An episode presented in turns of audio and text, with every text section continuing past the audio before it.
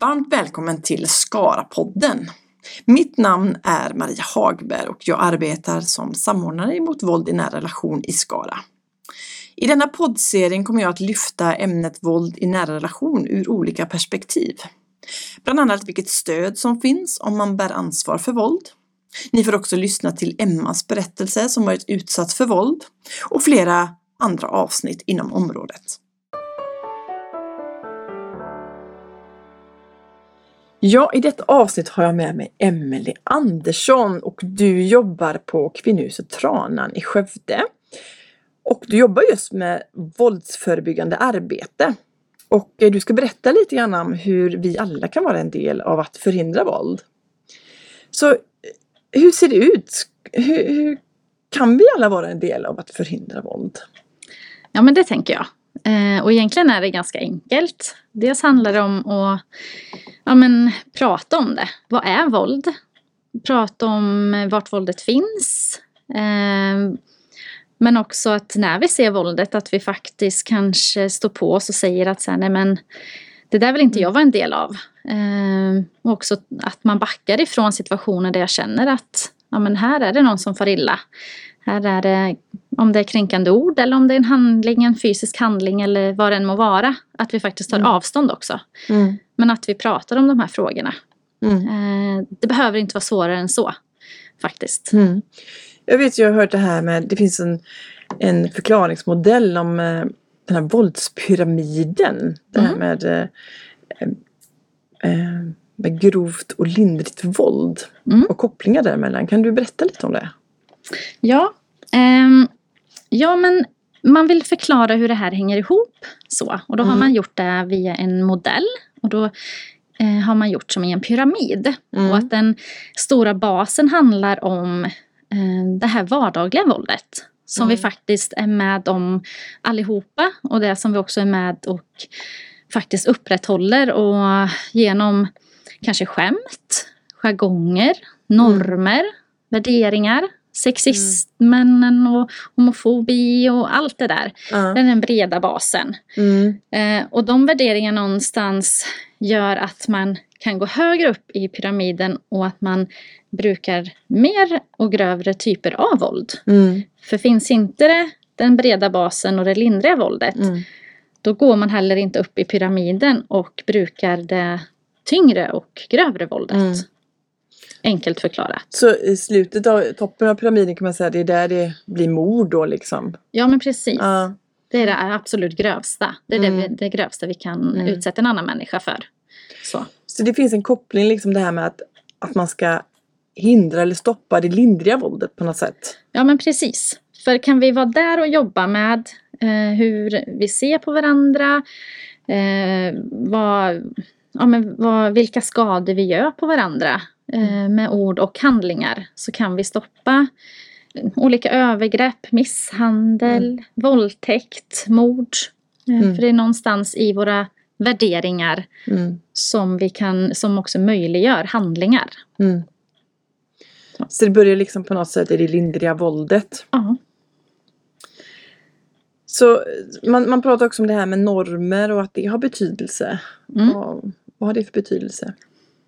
Ja men där har man faktiskt forskat ganska mycket så mm. på vad det spelar för roll. Mm. Eh, och det har man faktiskt sett att normer spelar väldigt stor roll i, eh, i just våld.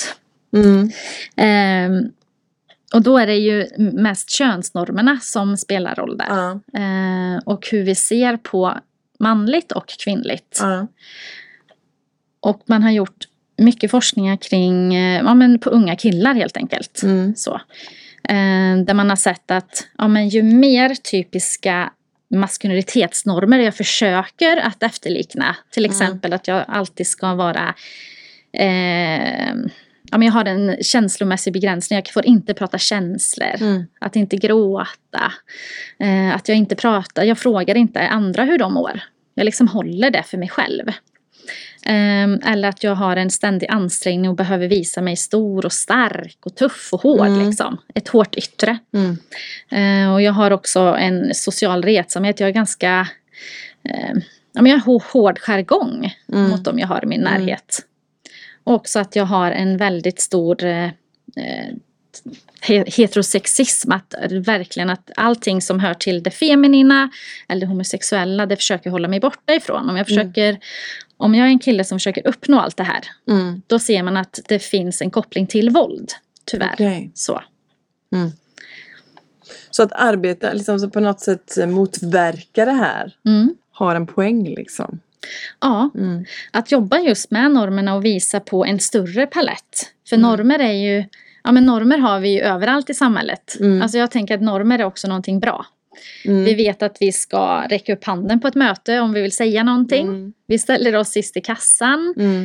Eh, vi gör saker och samhället fungerar. Mm. För annars skulle det inte göra det, skulle bli Nej. kaos. Men vissa normer är också otroligt begränsande. Mm. eh, och destruktiva för oss.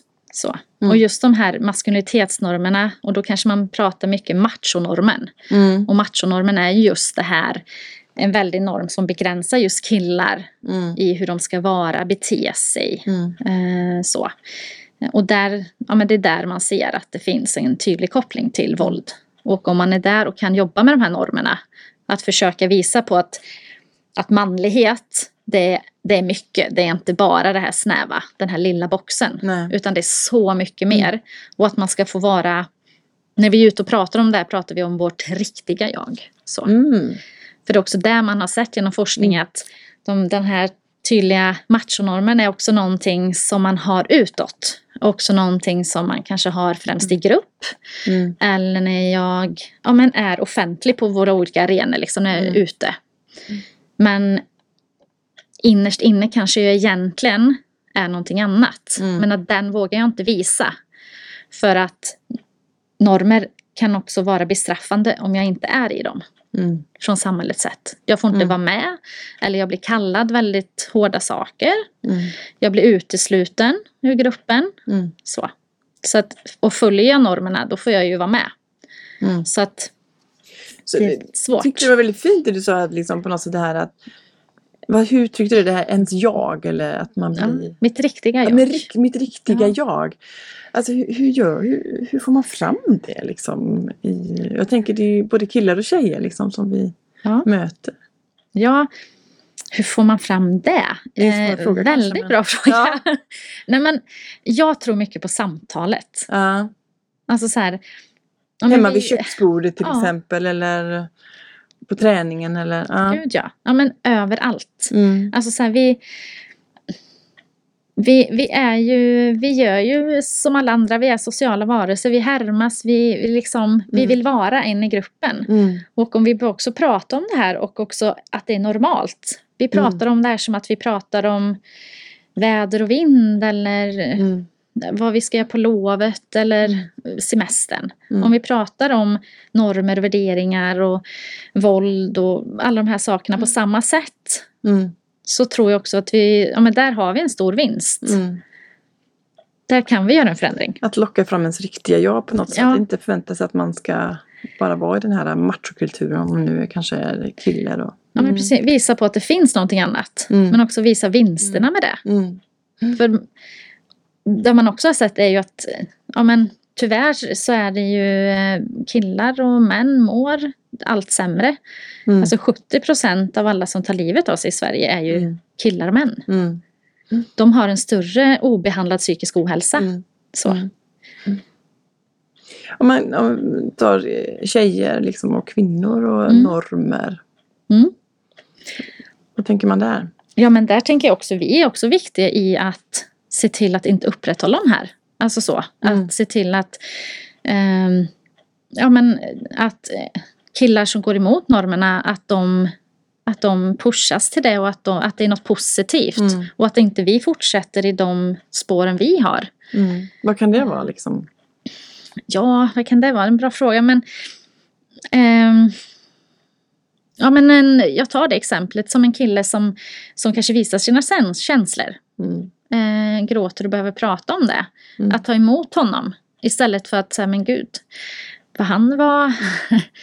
eh, Inte trycka på att det är svaghet. Nej. Exakt. Mm. Att ta emot det Mm. och se det som en styrka Mm. istället. Mm. Så det tänker jag att vi, Att vi alla är en del av det. Mm. Det är, liksom, det är ett stort jobb för killarna men det är också ett jobb för oss Mm. eh, kvinnor och tjejer också att vara delaktiga i den Mm. förändringen. Mm. För att, Jag tänker också liksom det här med, ibland så är det normer kring tjejer att killar ska ta plats och tjejer ska bara inte ta plats till Mm. exempel. Mm.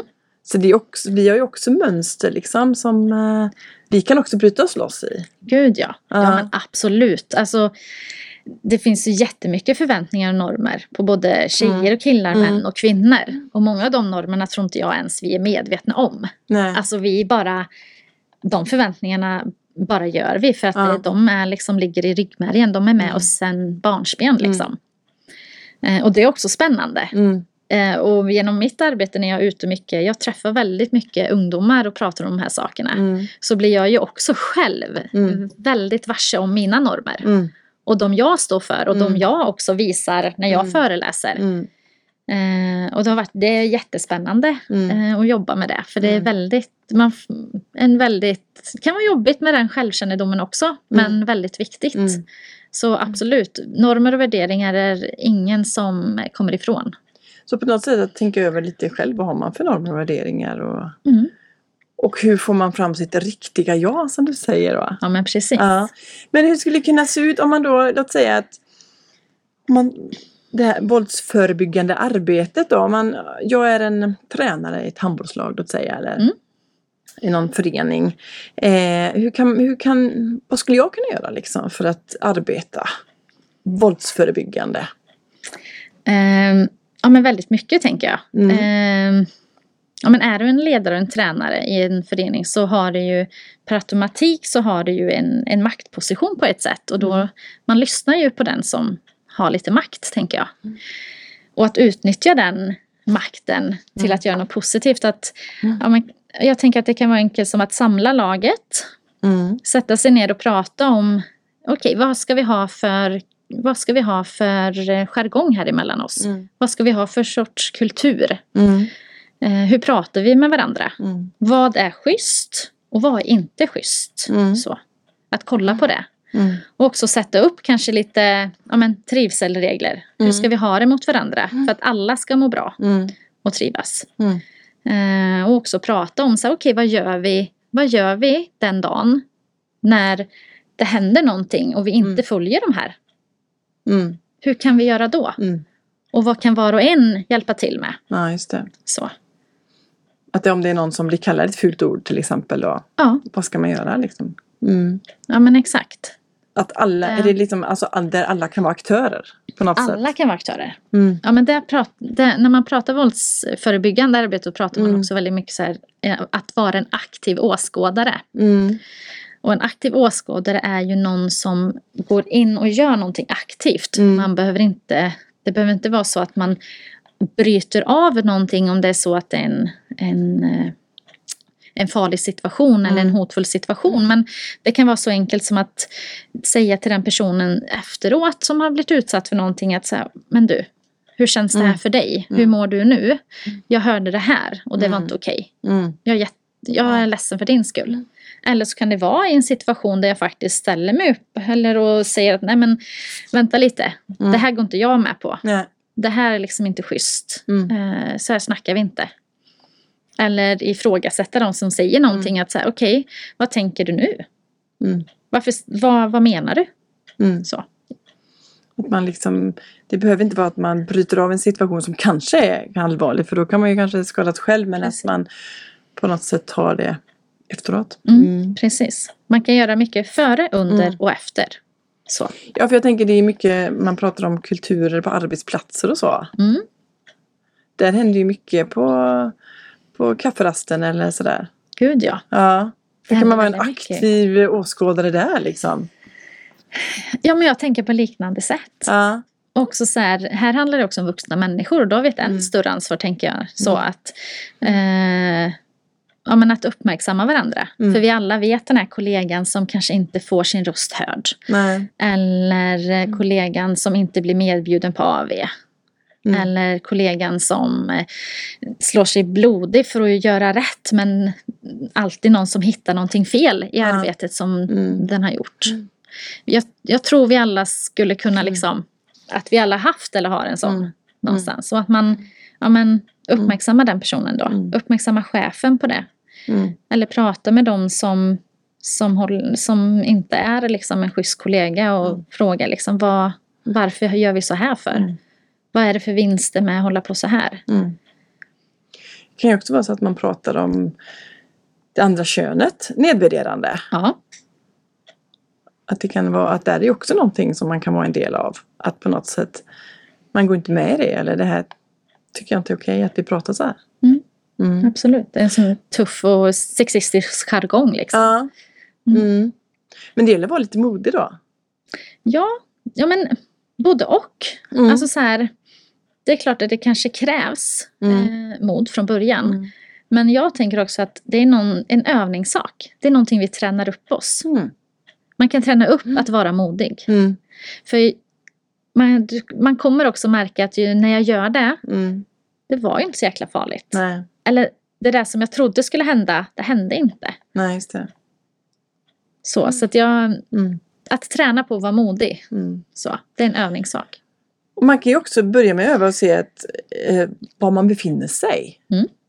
Vad- Öva och börja se vad är, det som, vad är det som sker runt omkring mig. Är det saker och ting som sker runt omkring mig som faktiskt inte är okej? Mm. Att det kan vara en början och sen så... Gud ja. Ja. Ja men det är lättare att börja hos mig själv och i sin Mm. närhet för att Mm. sen bygga på. Mm. Så, absolut. Nej men alltså, så våldsförebyggande arbete det kan vi egentligen alla göra. Där vi befinner Absolut. oss och det är viktigt. Både i våra familjer och på arbetsplatser och våra frit- vår fritid liksom. Att vi alla kan vara en del av detta. Det är det du säger. Mm, Ja. absolut. Och sen så kan vi också ha ett våldsförebyggande arbete. Jag vet att du går ut mycket och pratar i skolor och sådär. Att det är mer riktade Mm. satsningar som också är viktiga tänker jag. Ja, Mm. ja, men vill vi få bukt på våldet så Ja. måste vi jobba på flera plan Ja. hela tiden. Liksom. Mm. Att vi, det börjar från födseln. Liksom. Det Ja. börjar där. Och att vi måste jobba hela tiden. Och vi kan inte sluta. För det här är ett Nej. arbete som hela tiden måste fortgå. Ja. Så. Det måste, måste Mm. hela tiden Mm. jobbas med. Mm. Hela livet, man börjar väldigt tidigt egentligen kan man börja. Ja, Mm. gud ja. Mm. Absolut. Och det, utifrån att jag är själv mamma Mm. så har jag också blivit väldigt medveten om det. Med, med min äldsta dotter och min yngsta son. Mm.